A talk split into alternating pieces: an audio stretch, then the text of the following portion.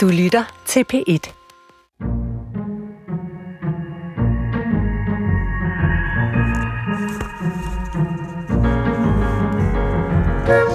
I morgen, der fylder jeg 45. Jeg har ingen børn, og jeg har aldrig tænkt, at jeg skulle have børn. Men hvis jeg nu fortryder, så har jeg kun ganske kort tid at løbe på, hvis jeg vil have hjælp i Danmark. Så kan jeg jo heldigvis tage til Ukraine og købe det, jeg har døbt den store ægpakke. Den koster rundt regnet 50.000 danske kroner, og her får jeg det meste med. Medicin, undersøgelser og naturligvis gode unge donoræg. Og jeg skal ikke bekymre mig om at vælge en god donor, for som de siger i den lille reklamefilm fra Adonis-klinikken i Kiev, så har de en meget stor database med sæd, æg og rogemødre, hvis det skulle blive nødvendigt. Ja, de har endda deres egen juridiske afdeling, så man kan få alle papirer i orden, inden man rejser ud af Ukraine igen. Our own huge database of donors and surrogate mothers, as well as own legal department with highly experienced lawyers, makes Adonis family attractive for patients who come from all over the world to realize their dream about having children. Ja, grunden til, at jeg taler om den ukrainske fertilitetsindustri, skal findes i en ny roman af den finsk-estiske forfatter Sofie Oksanen. Hundeparken hedder bogen, og i den kommer man helt tæt på de unge kvinder, der donerer ægne i Ukraine. Og det er ikke et alt for kønt billede, Sofie Oksanen maler, når hun beskriver, hvordan de her kvinder pumpes fulde af hormoner og får deres kroppe udnyttet for nogle få hundrede dollars. Men bekræfter den her roman ikke bare billedet af et forarmet, korrupt land, hvor alt kan købes for penge, et billede vi kender så godt fra medierne i forvejen? Og hvilke historier får vi aldrig om Ukraine her i Vesten? Lyt med og få svaret, for i dag dykker skønlitteratur på P1 ned i de egentlige tilstande i landet, der ofte forbindes med konflikten på Krim, fattigdom, kriminalitet og korruption. Vi taler med en forsker, der er født og opvokset i Ukraine, nu bosat i Danmark, og med en ung ukrainsk forlægger i Ukraine, og med en dansk kulturchef, der lige er flyttet til Kiev. Og selvfølgelig er der litteratur undervejs. Jeg er din vært og hedder Nana Mogensen. Velkommen indenfor.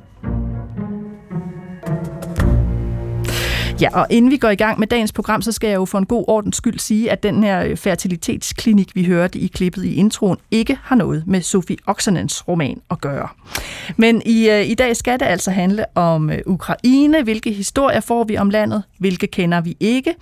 Øh, hvordan står det til med vores øh, fordomme om øh, det her land med cirka 45 millioner indbyggere, som fik sin uafhængighed fra Sovjetunionen i 1991, men som måske mest af alt er kendt lige nu øh, fra de problemer, der er på Krim, altså den russiske annektering af Krim i 2014. Jeg tager udgangspunkt i skønlitteraturen, men jo selvfølgelig også i en forståelse af, hvilket sprog den skrives på, fordi sprog er meget vigtigt, når vi taler Ukraine. Men allerførst, øh, velkommen til min gæst, som skal være med til at gøre mig klogere på Ukraine hele timen. Øh, Vera øh, Skvirskaya, velkommen til. Ja, tak, Nana. Øh, jeg skal lige sige til lytterne, at du er født i Ukraine, i Kiev. Du er vokset op der og har gået i skole og på universitetet. I sovjettiden så har du boet i England. Du har en Ph.D. fra England. Øh, du har været med i Next Stop-bevægelsen, øh, Next Stop Sovjet. Så du har også været på besøg i Danmark i 90'erne. Og nu har du boet her siden 2010 og er ansat øh, ved Københavns Universitet som forsker i det postsovjetiske samfund. Du er uddannet i antropologi. Var det nogenlunde rigtigt? Yes. det er godt. Jeg sagde i begyndelsen, at vi jo her i Vesten sådan primært kender Ukraine som noget, der har med altså, øh, krimkonflikt at gøre. Og så er landet meget koblet til sådan noget som øh, korruption, fattigdom, man kan købe alt for penge, fertilitetsindustri som nu den her nye Oxenden-roman. Øh, hvis du skulle svare, hvilke fordomme har vi ellers her i, i Vesten om Ukraine? Hvad forbinder man landet med?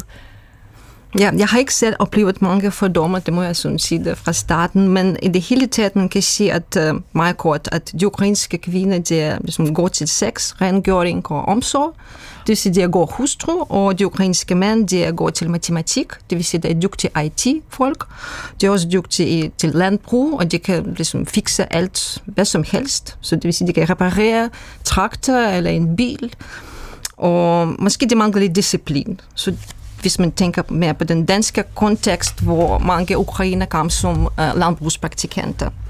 Ja, fordi det er det, vi altså primært, og det er jo rigtigt, det du siger, altså at, at øh, ofte forbinder vi det her med, med ukrainske kvinder som sådan en form for købe, købekvinder, købebrude, øh, som man kan nærmest bestille per postordre, eller alle de ukrainske landbrugsmedhjælpere, som arbejder på, på de større bedrifter i... Øh, ja, Jylland.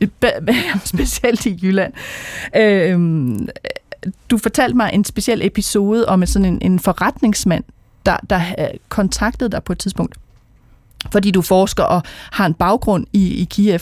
Øh, og han havde en form for produktion, hvor han fik produceret nogle varer i øh, Ukraine, og så kunne han ikke forstå, at kvaliteten af dem ikke var tilfredsstillende, når de kom tilbage. Hvad, ja. hvad var det for en øh, episode? Ja, det var en meget sådan mærkelig episode, fordi han kan ringe på universitet, han fik mit uh, navn, og vi har haft en der snak. Jeg, det var ikke, jeg var ikke klar over, hvad han ville egentlig vil med mig, eller hvad var hans spørgsmål, men han har forklaret mig, at det var et stort problem med disciplin på hans fabrik i Ukraine. Det var en vestlig Ukraine omkring Lviv. Og han selv kommer fra Vestjylland, synes jeg. Og jeg vil ligesom få lidt kontekst. Hvad det skal man undersøge, hvordan og hvilken rolle jeg skal have i det her. Men øh, min allerførste spørgsmål rent, øh, rent intuitivt var, så hvor meget betaler du til dit arbejdskraft? Og det var det. Han vendte alt tilbage. Så det vil sige, det var ligesom at vise mig, at øh, Uh, man betragter den ukrainske arbejdskraft som en billig arbejdskraft. Uh, äh, man ligesom ikke tager hensyn til, at de folk, de er vant til en livsstandarder end de postsovjetiske. Man har den der historiske hukommelse, en meget bedre levetid, kan man sige. Så de vil ikke lave alt for pengene. Så det vil sige, at man får det, man betaler for, også i Ukraine. Så man forventer det der med, at, at folk bare, øh, fordi de ukrainere skal øh, arbejde drønhårdt for ingen penge, og så bliver man overrasket, når man ikke får kvalitet. Lige præcis, ja. Så det er jo også en af de fordomme. Altså, øh, nu har, øh, nu har øh, Sofie Oksanen så skrevet øh, den her roman, der hedder Hundeparken. Vi skal tale om den om lidt. Hun siger jo selv, at det er en, det er en spændingsroman, men den handler meget om, hvordan unge piger i Ukraine bliver sådan øh, groomet, og så bliver de pumpet med nogle hormoner, så bliver de øh, sådan ligesom taget på en klinik, tager man æg ud, og så bliver de solgt til øh, enten ukrainske par eller vestlige par, som ikke øh, kan få børn. Øh, og undervejs i romanen er der også, øh, tror jeg, en enkelt pige, der mister livet, altså fordi det foregår ikke helt... Øh, helt ordentligt. Hvordan har du det, når du har baggrund i Ukraine med, at, at nu bad jeg dig om at læse sådan en roman ja. om netop fertilitetsindustri. Bliver du træt af, at det altid er sådan noget, jeg, for, eller jeg eller andre forbinder med Ukraine? Ja, det undrer mig lidt, hvorfor jeg skal læse den her roman, helt ærligt. Um, jeg, har haft en, jeg har set en interview med forfatteren, med Sofia Oxen, hvor hun selv sagde, at hun ville skrive en page-turner. Ja. Yeah. Så det vil sige, cirka 50 procent af byen, det var en page for mig, fordi jeg ligesom, jeg venter og venter på, på spænding. på, på et eller andet sådan, yeah. you know, uh, you know, hvad vil det ske nu, you know, egentlig. Men når jeg har læst det hele, det bare viser mig, at det var ligesom en almindelig post-sovjetisk roman, kan man sige. Så det vil sige, jeg har ikke lært noget nyt, selvom jeg kender intet til den industri, som du beskriver. Jeg selvfølgelig har læst om det i medierne, men ikke mere end det. Jeg har ikke personlig erfaring med det. Eh, jeg vil helst eh, læse om den industri eh, med, med mere detaljer, eller med måske dybgående analyse eller beskrivelse. Så jeg har ikke fået så meget ud af det, bortset fra de der meget sådan generelle billeder af den postsovjetiske samfund. Og vi skal tale mere om, altså, hvad kan det billede, hun tegner af Ukraine, og kan det noget? Og som du siger, måske får man ikke så meget nyt. Øh, lytterne kan også høre lidt oplæsning senere fra romanen. Øh, ganske kort, øh, inden vi går i, i gang med, øh, med at, at høre nogle af vores andre kilder, så troede jeg jo, at når man var øh, født i Kiev og, øh, og gået i skole i Kiev og på universitetet i Kiev, øh, så talte man også øh, ukrainsk som modersmål. Så jeg tænkte nærmest, at det behøvede jeg ikke spørge dig om, fordi det var indlysende. Men det er ikke indlysende. For hvad, hvad for et modersmål har du? Nå, mit modersmål er russisk. Og kan du prøve at sige ganske kort, altså hvordan kan det være, at man kan have russisk som modersmål, når man er født i Ukraine? Ja, fordi russisk har været en ligesom lingua franca for det hele Sovjetunionen, så det vil sige, at alle folk bliver sådan uddannet med at tale grå russisk i hvert fald, især de store bøger. Og den anden spørgsmål var, hvad, hvad, hvad med din familie? You know, hvor kommer de fra? Hvilket, hvad, hvad er deres modersmål? Så det vil sige, min mor er ukrainer, men i Ukraine, det er meget sådan en kompleks situation. Der er ikke nogen overlap. Altid. Der er ikke nogen altid overlap mellem den etniske identitet og den sproglige identitet. Der er heller ikke sådan en fikse idé om etnisk identitet. Det er også ligesom rationelt og lidt flydende. Så det er meget kompleks lingvistisk situation i det hele taget. Og den vender vi jo også tilbage til, altså hvad sproget betyder, men hvis du skal forklare for en, der hverken kan, altså jeg kan hverken russisk eller ukrainsk, øh, kan man forstå ukrainsk, hvis man kan russisk og omvendt? Altså hvor tæt er de to sprog på hinanden? Ja, det er, det er tæt beslægtede slaviske sprog, så man kan altid tænke på svensk og dansk. Ja. Og man har praktiseret uh, under sovjettiden også. I dag man praktiserer det, man vi kalder som antropologer, ikke reciprokisk tosproghed. Ja. Det vil sige, jeg taler til dig på russisk eller på ukrainsk, og du svarer på den sprog, som er nemmere for dig. Ja. Så selvom vi kan måske begge to finde et fælles sprog, for eksempel, jeg kan godt tale kun ukrainsk til dig, og du vil svare på ukrainsk, det gør vi ikke. Nej. Vi bare fortsætter som, det, som vi plejer. Så det vil være ligesom, hvis jeg taler med en svensker, så vil svenskeren tale til mig på svensk, og jeg vil svare på dansk. Altså, vi vil, Ja, det er lige præcis det. Ja, vi vil sjældent slå over i et andet sprog, fordi vi er naboer. Okay, men nu ved lytterne lidt om, øh, hvem du er, og hvad vi skal i, i programmet i dag, øh, og hvad for noget romanstof, der er på programmet. Jeg vil også gerne have, at vi skulle se Ukraine lidt med nogle øh, særlige danske øjne, og derfor øh, kontaktede jeg Julie Arnfred Bøjsen, som er leder af det helt nye ukrainsk-danske ungdomshus, der øh, er blevet skabt i Kiev. Hun er jo øh, født og opvokset i Danmark, men nu er hun flyttet til Kiev, hvor hun så skal bo de næste to år og arbejde for sådan et øh, tværkulturelt samarbejde for unge. Og øh, jeg spurgte hende her i det lille interview, I kan høre nu på sådan 6-7 minutter, øh, hvilket billede vesteuropæere typisk har af Ukraine ifølge hende. Prøv at lytte med her. Jeg tror, at det billede, mange vesteuropæere har af Ukraine, det er øh, ret dystert. Og jeg tror, at det er øhm, øh, historisk betinget. Øh, jeg tror, at øh, vi måske efter Sovjetunionens fald lidt mistede øh, interessen for at fokusere på, hvad der skete i, i vores nabolande her i øst. Så øhm, det jeg tit har hørt, også når jeg så selv for eksempel for nylig skulle annoncere til venner og bekendte, at jeg skulle flytte til Ukraine for arbejde, så er folks reaktion, huha, tør du det? Øh, og uff, det lyder da ikke særlig rart.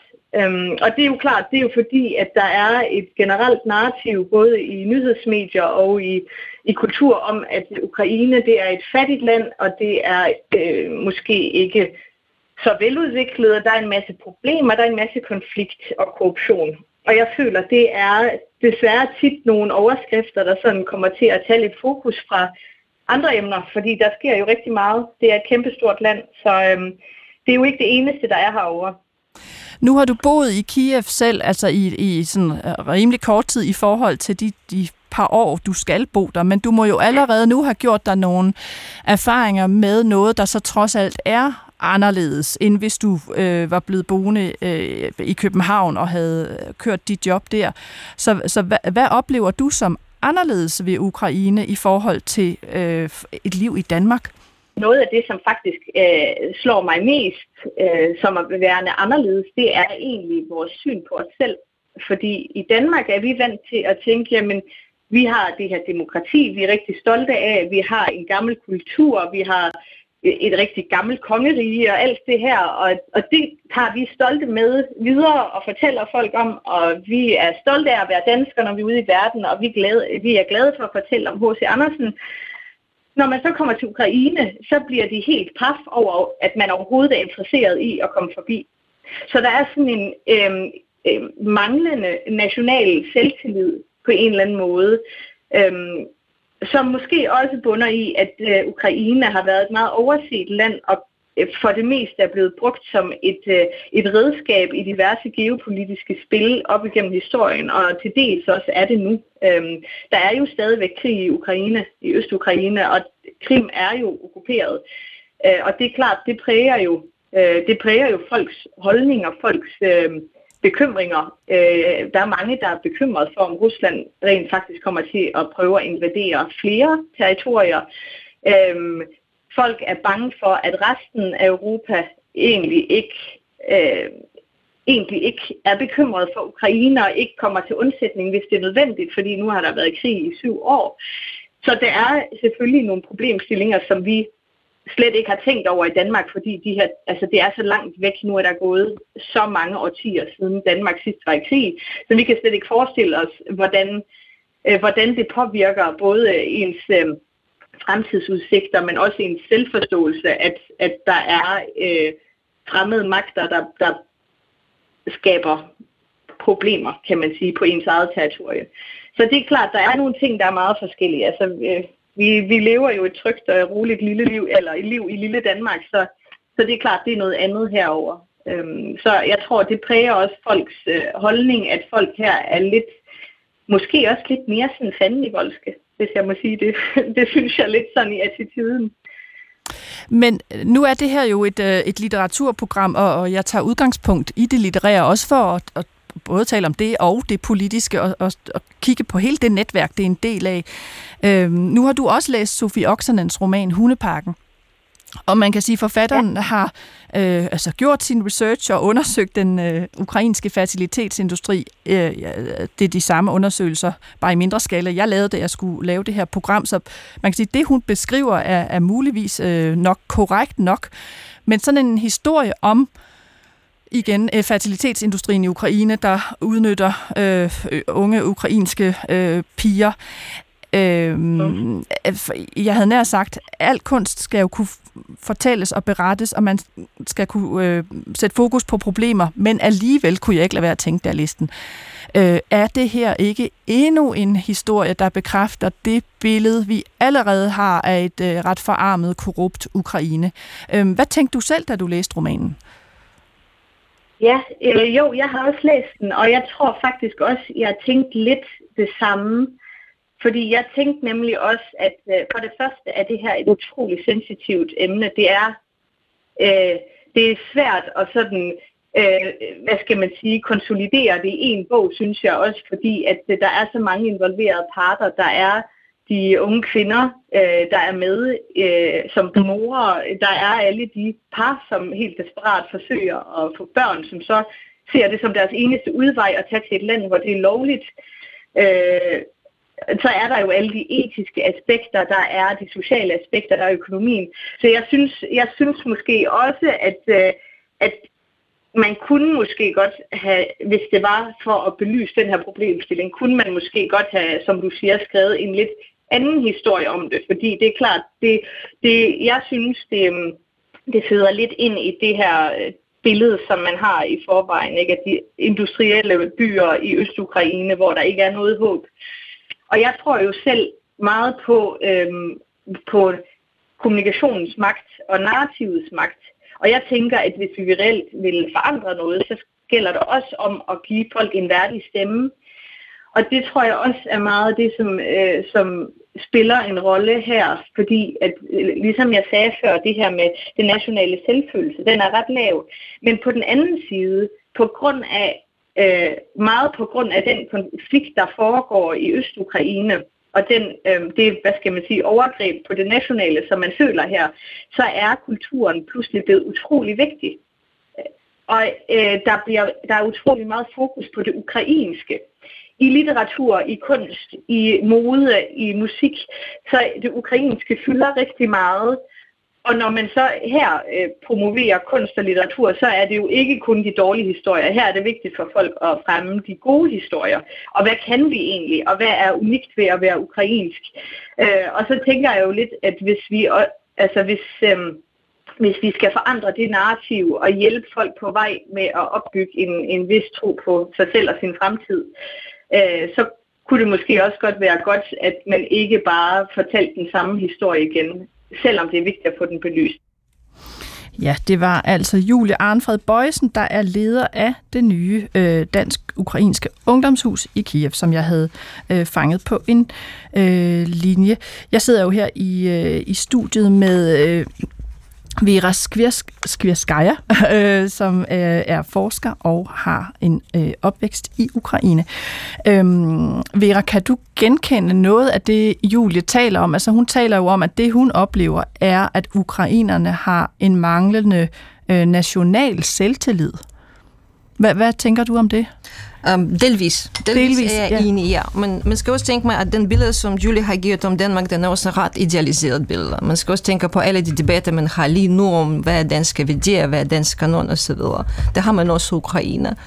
Uh, for den um, Ukraine har været en selvstændig stat kun 30 år. Mm. Så det er helt en historisk perspektiv, vi snakker om.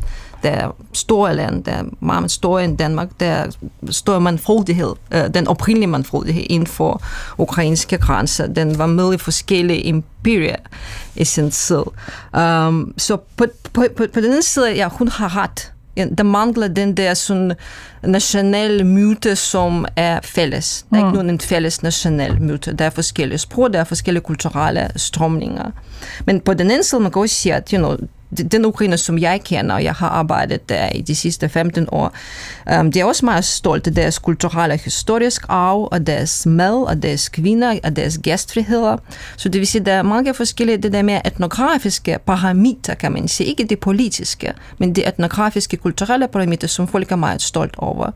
Og som, igen, som jeg sagde, der er stor øh, regional diversitet, så det vil sige, folk er stolte af forskellige ting i forskellige steder. Ja, for det er jo også det, man skal forstå, at vi taler om Ukraine som et land, og det er det jo også, men, men med 45 millioner indbyggere. Så det er klart, der er større diversitet, altså simpelthen også, og som du siger, med hvad folk er stolte af i forskellige regioner. Mm. Og vi skal også opleve den her sproglige diversitet. Øhm, hun siger, øh, Julie Arnfred, at, at hun finder den her øh, Sofie Oksanen-roman måske lidt klichéfyldt i forhold til det, øh, hun oplever. Du var selv inde på noget af det samme, at du ikke rigtig øh, får et, øh, altså du lærer ikke noget nyt om Ukraine i den her øh, mm, øh, mm. øh, roman. Altså finder du også mange klichéer i den i forhold til, til billedet af Ukraine? Uh, jeg vil forsøge at være lidt mere generøs uh, ja. i den her omgang. Jeg synes, det, det er ikke en ukrainsk roman som sådan. Det er ikke en roman om Ukraine. Det er en postsovjetisk roman. Jeg tror, det har sagt det fra starten. Det vil sige, det her kan foregå alle andre, andre steder mm-hmm. i mhm. den postsovjetiske rum. Det vil sige Rusland, eller Moldova, eller Centralasien. Så det vil sige, det er bare en tilfælde, at det sker i Ukraine på den her niveau. Mm-hmm. På den anden niveau, hun bruger mange sådan små etnografiske detaljer her og der, som er meget, meget sådan velobserveret og velregistreret. Jeg synes, hun bruger meget godt sprog, når hun oversætter de ukrainske idiomer til dansk, eller undskyld, til finsk, fordi yeah. jeg har læst den på dansk. For eksempel den kommunikation, som daten har med sin mor, eller daten har med sin far, den er meget troværdig, den er meget god sådan givet. Så den læses ligesom en fiktiv etnografisk fortælling på lidt sådan overfladisk niveau, fordi det skal også være en page-turner, og der er en, der vil fordybe sig for meget. Du, og du har ret, det er jo en spændingsroman, og jeg synes også, den er som sådan, øh, altså den er jo, Sofie Oksanen skriver godt, den er velkomponeret, ikke? og den er spændende, øh, men, men spørgsmålet er jo temaet. Lad os prøve at høre et stykke fra romanen, fordi så kan lytterne også øh, bedre følge med. Altså, vi følger en hovedperson i romanen Hundeparken, der er øh, flyttet øh, til Finland, eller nærmere flygtet til Finland, og her lever hun så i romanens øh, nutid, som er 2016. Hovedpersonen har tidligere været involveret i fertilitetsindustrien i Ukraine i nullerne. Først var hun donor selv, altså ægdonor, og senere blev hun ansat i det firma, der skulle skaffe nye donorer. Men nu har fortiden indhentet hende i Finland, da en tidligere ægdonor har fundet både hende og det barn, der er blevet til ved hendes æg. Øh, og lad os prøve at høre et øh, stykke af romanen. Her er vi tilbage i 90'erne altså i hovedpersonens barndom. Hun er flyttet øh, efter Sovjets fald med sin familie til Ukraine, hvor hun har nogle slægtsrødder. Faren har gang i en masse økonomiske eventyr, øh, og han har snydt en forretningsforbindelse, og pludselig så kan familien ikke komme i kontakt med ham, men så dukker der nogle fremmede mænd op ved havelågen.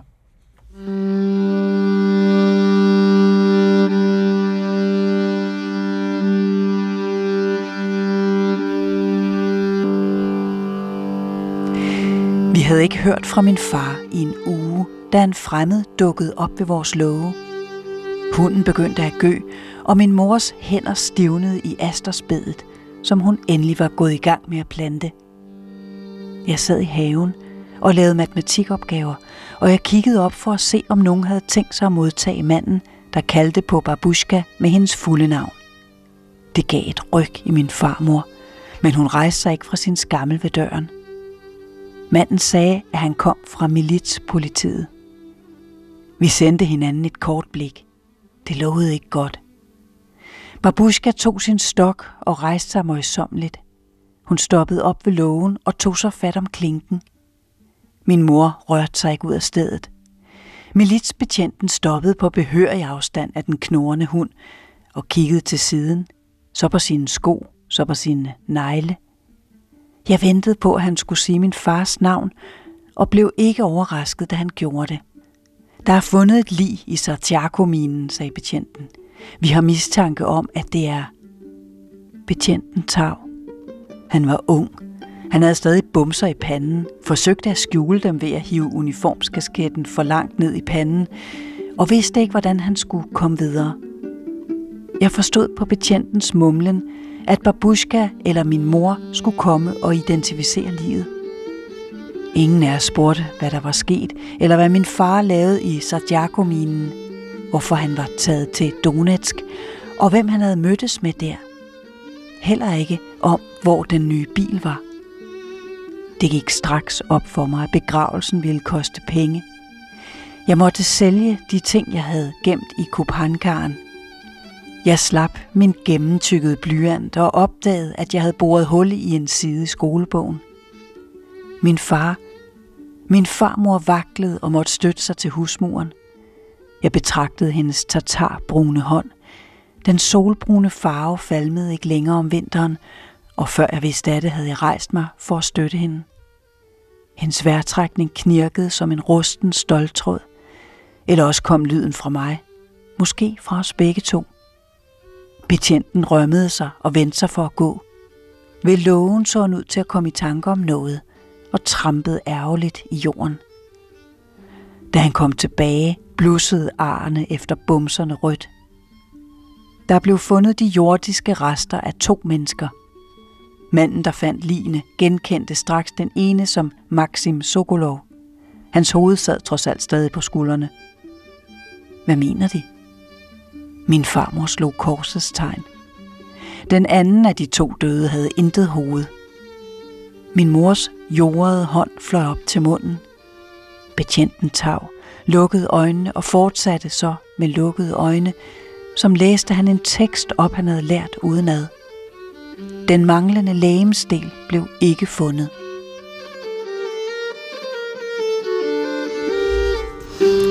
Her var det min kollega Katarina Levkovic, der læste i Birgitta Bunde Hansens oversættelse. Øh, Sofie Oksanens Hundeparken er udkommet på øh, Rosinante. Og øh, Vera Skværskaja, som er min gæst i dag, du fik lov til at, at vælge et stykke fra romanen, og så øh, sagde du umiddelbart, øh, jamen det skal være det her med, med farens hoved, der mangler, øh, da han bliver fundet som lig.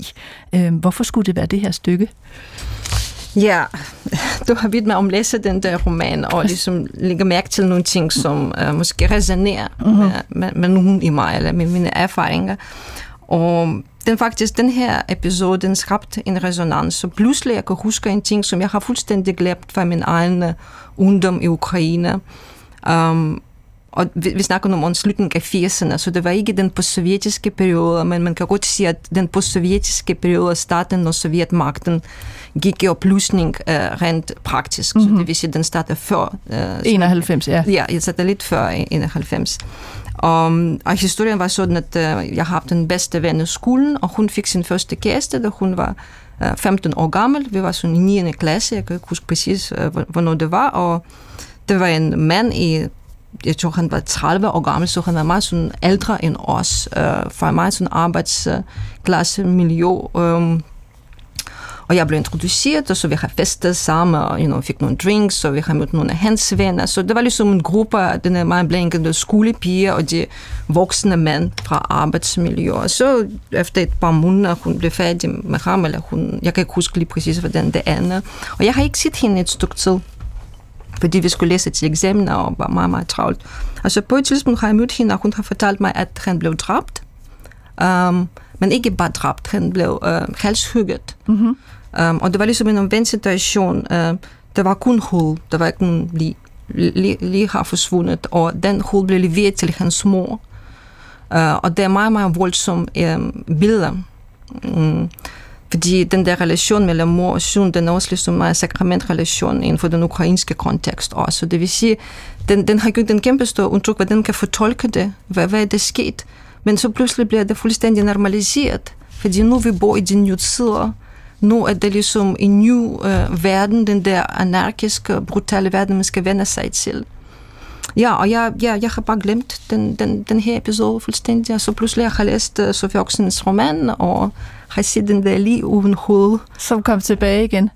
Men det der med, at, at din venindes mor så for, øh, øh, eller venindens, øh, øh, hvad skal man sige, øh, øh. Øh, kærestes mor, mor. Øh, får leveret søndens hoved, mm. øh, måske fordi han har... Øh, snydt de forkerte mennesker eller sådan noget. Og det er omkring den her brudperiode, lige omkring, hvor Sovjet går i opløsning, altså i slut 80'erne og start 90'erne. Var det en, altså ligesom Okserne skriver her, men var det bare sådan en totalt brutal periode? Altså accepterede man det som de nye normer, at der var den her ultravold, eller øh, hvad er din erfaring der? Ja, ja det, det var min erfaring dengang, at uh, um, man svindler hinanden hele tiden, mm-hmm. og så man skal betale for den svindel. Så det vil sige, den der svindel, som producerer vold, yeah. så producerer mere vold, som producerer mere svindel. Så og det var ligesom forskellige ligesom mafia-krig øh, på den meget lokale plan. Og så man kan sige, at altså, der er, er Oksernens roman måske meget realistisk. Hvornår aftager den her voldsperiode? Altså, hvornår begynder tingene i Ukraine øh, at ligesom blive mere tålige? Hvornår stopper ultravolden og det her anarki? Hvor er vi henne der? Er vi omkring øh, 0, eller er vi omkring... Hvor, hvor langt er vi henne i tid der? Normalt man forbinder det med 90'erne. 90'erne, ja. som den der helt Og den, den er som en fast udtryk, når det er 90'erne. Både i Rusland og i Ukraine. Det var den en bestemt periode øh, af etablering af markedsøkonomi og den uh, new kapitalisme. Og så kom der mere lighed, øh, og det, jeg har lavet et program om Rusland for nylig, hvor 90'erne øh, nemlig også er det der udtryk med, at, at der alle kræfter slippes løs. Markedskræfter, øh, voldskræfter osv. Øh, inden vi går videre, så sagde du til mig, at du synes på en måde, at den her roman, Hundeparken, var udkommet 10 år for sent. Mm. Hva, hvad mener du med det? Jeg mener præcis det, at hun, der var en periode, hvor alle forskellige, forskellige forfattere, både i Ukraine, i Rusland og også lidt i Vesten, har skrevet den type narrativer. Så det vil sige, det er måske unik med henblik på den plot, hun bruger, den der kvindelige historie, eller de andre um, fortællinger, som hun ligesom virer med i det her. Men i det hele taget, det er ligesom en roman, som blev skrevet allerede så mange gange. Altså det her med øh, ultravolden og 90'erne og det her kaos, yeah. der var, som så fører alt muligt andet med sig op. Vi, øh, vi skal over til vores øh, andet store tema i programmet, men allerførst skal jeg sige, at du lytter til øh, skønlitteratur på P1. Øh, jeg er din vært og hedder Nana Mogensen, og temaet i dag er altså Ukraine. Det er forstået både socialt, politisk og selvfølgelig litterært, og min gæst hedder øh, Vera øh, Skvirskaya. Lad os øh, springe til noget af det, der fylder rigtig meget i historien om Ukraine lige nu, og som vi ikke kender i Vesten. Øh, og det er sprogets rolle, fordi, som du allerede har berørt lidt, så er sprog aldrig bare sprog. Sprogvalget mellem øh, russisk og ukrainsk, det er øh, ofte meget sprængfarligt og ofte meget politisk. Øh, og det betyder selvfølgelig også, at litteraturens sprog spiller en rolle for, hvordan den bliver modtaget, altså hvad den skrevet på. Øh, vi skal høre et, øh, et lille øh, interview med en ukrainsk forlagsdirektør, der hedder øh, Dana Pavlichko, og det er noget, hun berører, altså det her med sproget. Hende har min øh, praktikant Katinka Pol fanget over en øh, telefon til en kort samtale om, hvordan bøger kan bidrage til udbredelsen af et mere moderne billede af Ukraine, og så det her med sproget. Dana bor og arbejder i Ukraines hovedstad øh, Kiev. Hun er i begyndelsen af 30'erne, og de sidste 10 år har hun været chef for det forlag, der hedder Osnovo Publishing House, der har sådan en blandet udgivelsesprofil, altså både faglitteratur og skønlitteratur. Men især kendetegnet ved, at øh, det er et forlag, der gerne vil fortælle nye historier om Ukraine, ofte på engelsk. I think we're the only ones who do English language books for the world on Ukraine. So many, so we're the only Dana Pavlitsko fortæller, at de er det eneste forlag i Ukraine, som udgiver bøger på engelsk om Ukraine til det internationale marked. Så vi er et internationalt forlag placeret i Ukraine, som udgiver bøger om Ukraine. De fleste andre ukrainske forlag koncentrerer sig hovedsageligt om det nationale marked, siger hun. Jeg spørger herefter Dana, om hun mener, at landets politiske situation og fortid fylder for meget i den nuværende opfattelse af Ukraine, og hvilken rolle hun synes bøger og fiktion kan spille i at nuancere den her opfattelse. I, I definitely think there's more to it, and uh, the uh, I personally I'm I'm quite tired of of there being you know an interest in Ukraine mm. uh, solely based on its Soviet past mm. or on the war. Uh, Jeg er helt overbevist om, at Ukraine er mere end sin politiske fortid, fastslår Dana Pavlitsko. Personligt er jeg ret træt af, at folk udelukkende interesserer sig for Ukraine, når det handler om Tjernobyl eller krigen med Rusland. Men jeg tror, det er vores egen skyld, at vi ikke taler om os selv på en måde, som er interessant for resten af verden. Så selvfølgelig er det positivt, at det politiske Ukraine er en del af fiktionen. Men i mit arbejde og i de bøger, vi udgiver, prøver vi at vise et andet billede af Ukraine. Et moderne Ukraine, hvor vi undersøger, hvad der er anderledes og specielt ved vores land. I stedet for at fremlægge et poleret billede af Ukraine, som ikke er interessant for verden talking about, you know, the past or having, you know, or talking about, you know, about a flattering version of Ukraine, which is ultimately not interesting for the world, I think. Et eksempel på sådan et billede finder man i en af forlagets største salgssucceser. Det er en serie, som hedder Awesome, og som pt. består af syv udgivelser. I serien findes blandt andet Awesome Ukraine, Awesome Kiev og Awesome Odessa – og de er alle sammen skrevet og udgivet på engelsk. Dana beskriver selv serien som en form for alternativ rejseguide, som hver især indeholder sjove, underlige og interessante facts om ukrainsk kultur i forskellige dele af landet. Dana lægger også vægt på, at ironi og humor spiller en stor rolle i bøgerne, og jeg beder hende uddybe, hvad formålet med det er – i think Ukrainians are so super serious about themselves. You know, it's it's they're kind of like uh, too serious. And Darne mener, at ukrainer er meget selvhøjtidlige. Når vi taler om os selv til et internationalt publikum, er vi enten meget selvhøjtidlige, eller også forsøger vi at vise et photoshoppet billede af os selv, siger hun og fortsætter. Det synes jeg er meget bizart, for selvom der er mange ting ved vores fortid, som vi kan være stolte af, så er der også sket en hel masse forfærdelige ting. Jeg tror ikke, vi kan narre nogen, og der er heller ikke nogen, som er interesseret i en, endnu et glansbillede af en nation. I stedet tror jeg, at folk drages mod det, der er virkeligt og det, der er sandt. Og her er humor og ironi fantastiske redskaber til at tale om sådan nogle problemer – så det at kunne grine af os selv er et skridt i den rigtige retning. You know, it's not interested in another photoshopped image of a place or a person or a country. You know, people gravitate towards what is you know what is real what is true what is interesting. So humor and irony are incredible tools in you know in in dealing with these issues and with laughing at ourselves. And i think this is what resonates. Humor eller ej, så er den vestlige opfattelse af Ukraine i høj grad sammenfiltret med landets politiske situation og historie. Jeg spørger derfor Dana Pavlitsko, hvordan kulturen efter hendes mening kan være med til at ændre på det.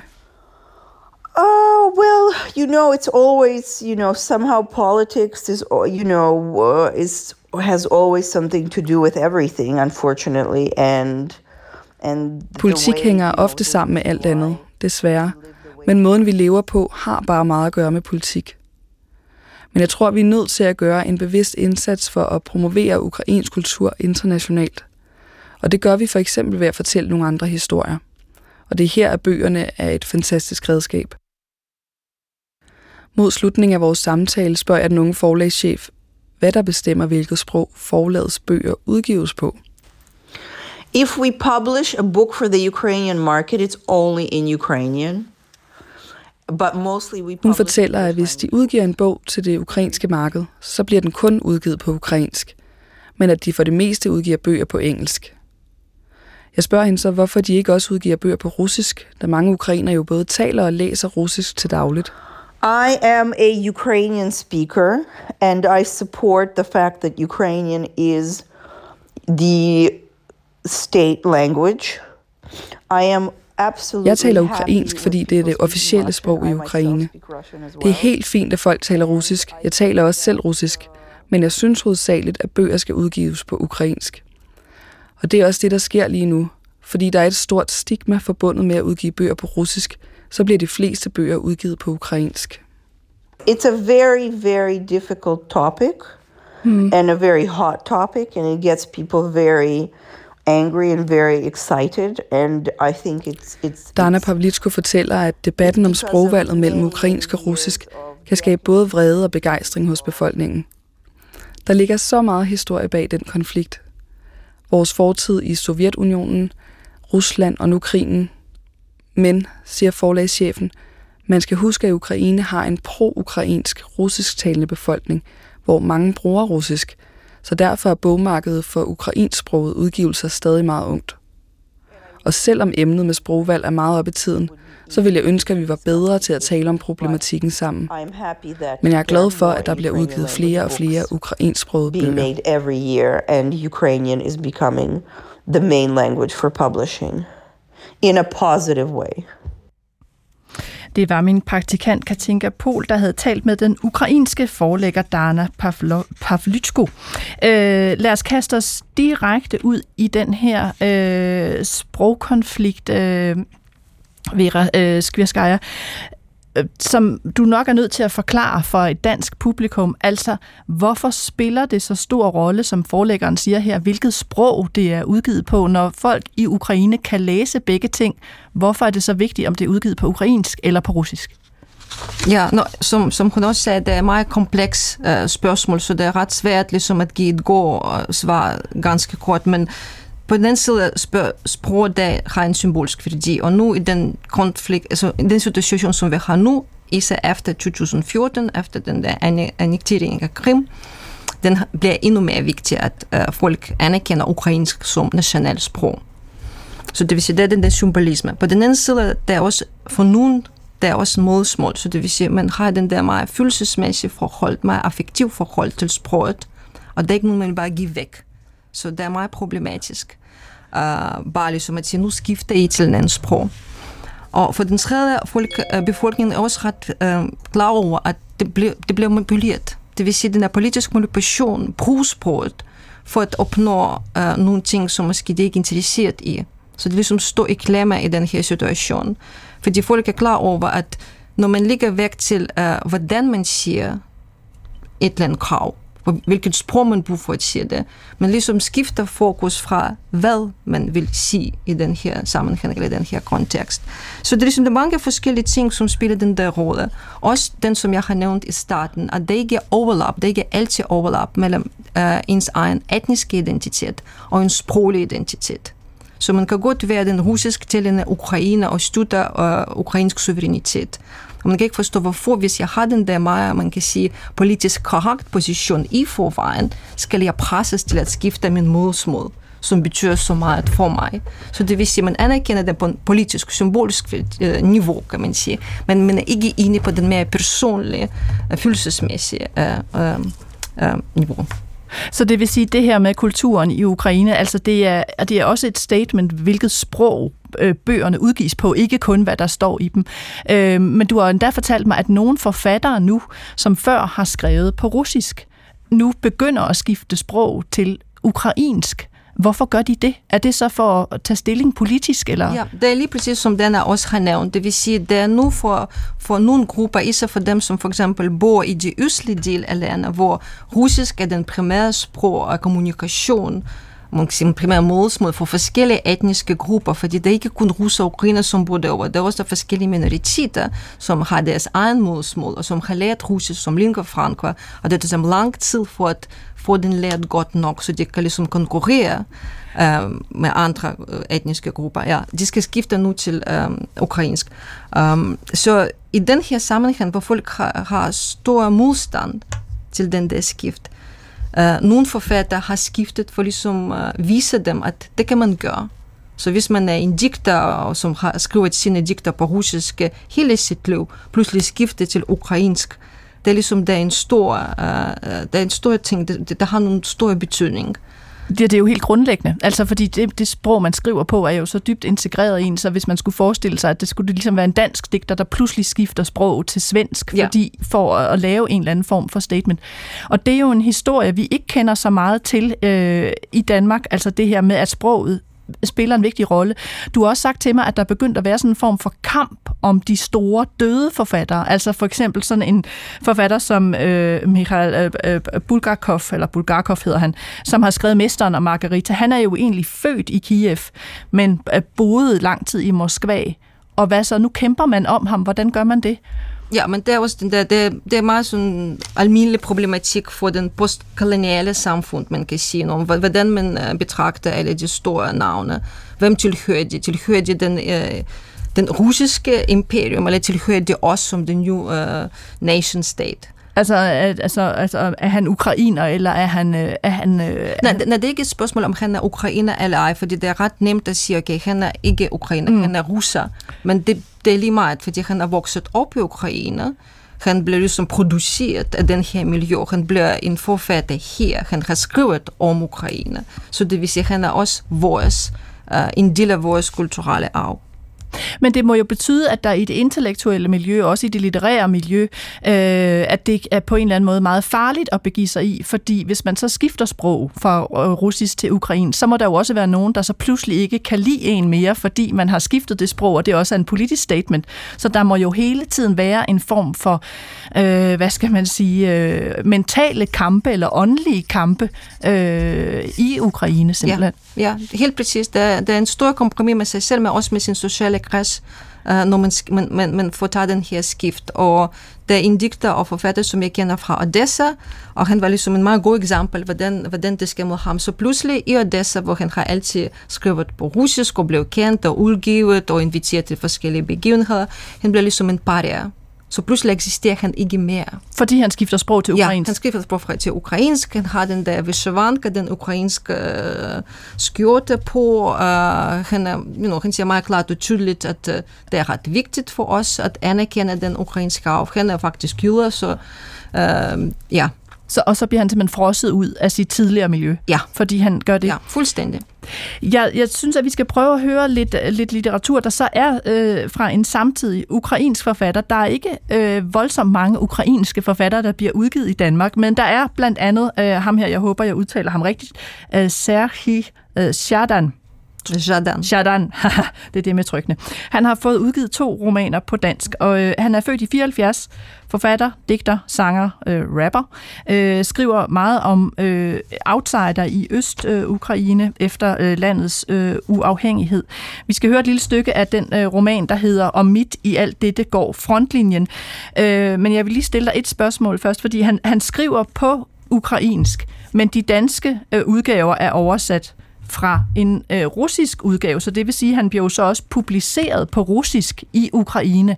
Så hvad betyder det, at han både ligesom øh, har sit ukrainske udgivelse og tillader en russisk udgivelse? Hvad, hvad, hvad skal man lægge i det symbolsk? Ja, det betyder ligesom en omvendt situation fra den, har jeg lige beskrevet med eksempel fra Odessa, at uh, han har altid skrevet på ukrainsk, Uh, han er utrolig populær. Han er ligesom den hip, cool, uh, ung, relativt ung forfatter. Og det er hans position, at okay, jeg skriver på ukrainsk, jeg er anerkendt, øh, eller kan lide mig, og så nu jeg kan lige så godt oversætte min egen værker til russisk, for den russisk talende øh, del af Ukraine. Så det er også en meget positiv, man kan sige diplomatisk øh, øh, tegn. Så der er sådan noget kompromissøgende, altså, de, altså det, at han tillader, at der også er en samtidig ja, russisk han vil ligesom invitere andre med i hans forfatterskab. Så han er sådan mere inkluderende ja. sprog. Og det er jo sådan nogle ting, der går fuldstændig hen over hovedet på sådan nogen som mig, eller som os øh, her, som ikke ved noget om den her sprogkonflikt. Vi registrerer jo bare, når den kom på ukrainsk, når den kommer også på russisk, men det betyder faktisk noget.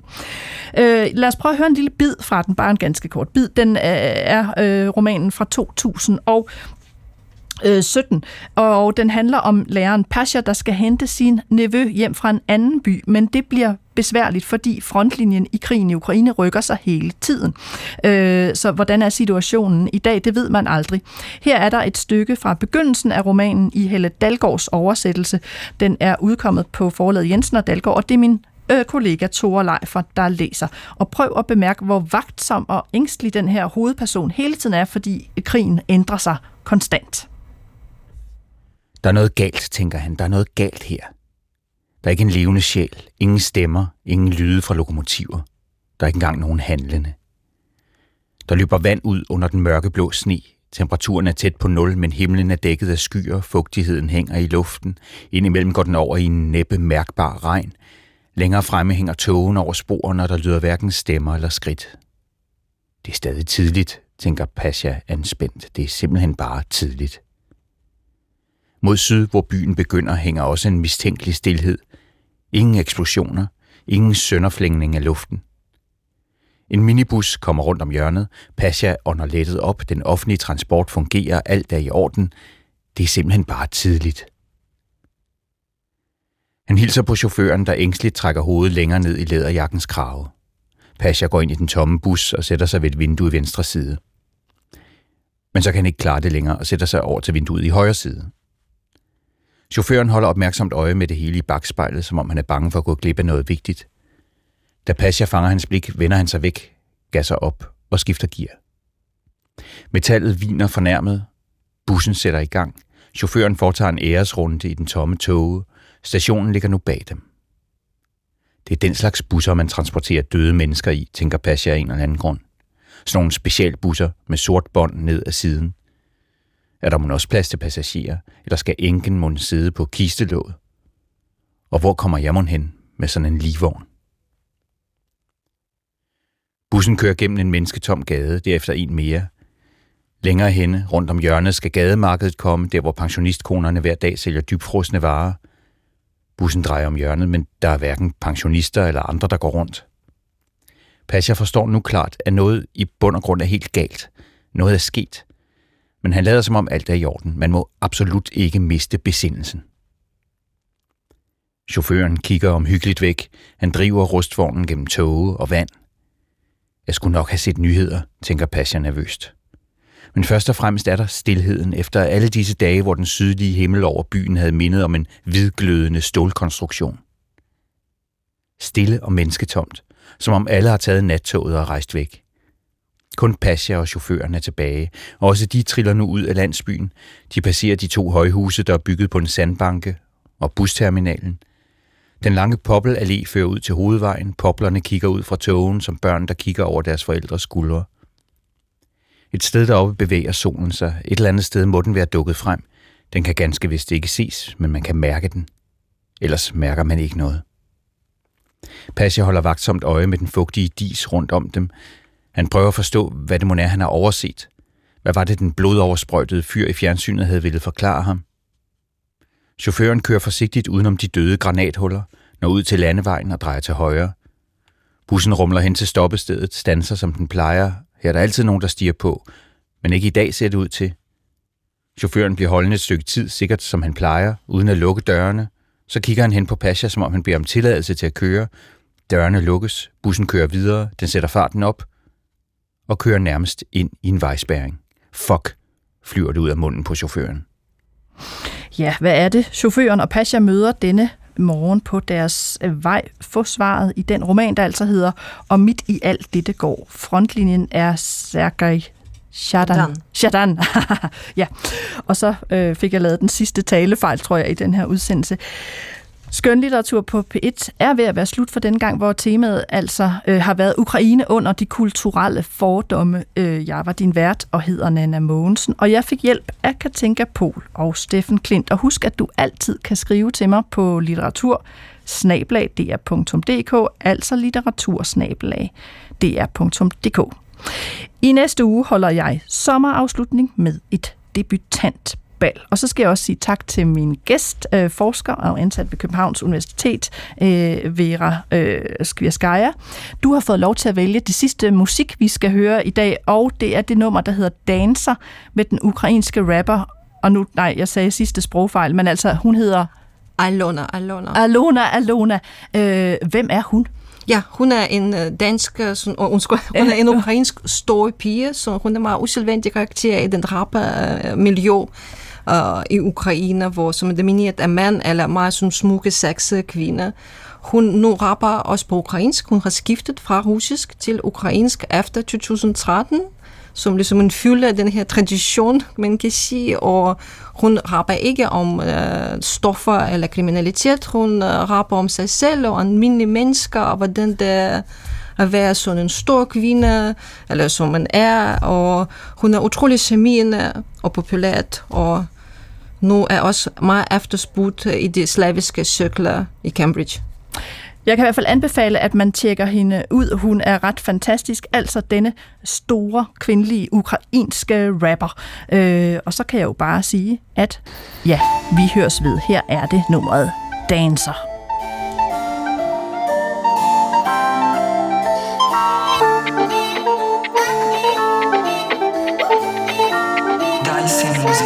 Władimira Koszmara.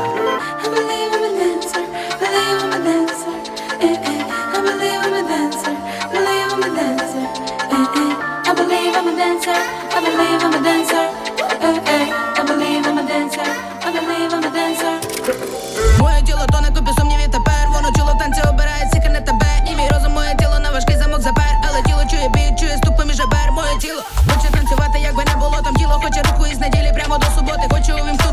Всі свої частини Танцювати хоче, не боїться виглядати дивним. Тіло так хоче до тіл Щоб об'єднатися в єдиний потік. Хочеться зливати себе літри подів Хочеться подалі від обставин та подій. Це тіло хвилями на шкірі запускає рух. Більше не ховає себе серед цих піднятих рук. Неважливо, де чи то Пекін, чи то Перу. Тіло чує цей клейт, відчуваючи гру в танці Gå på opdagelse i alle DR's podcast og radioprogrammer. I appen DR Lyd.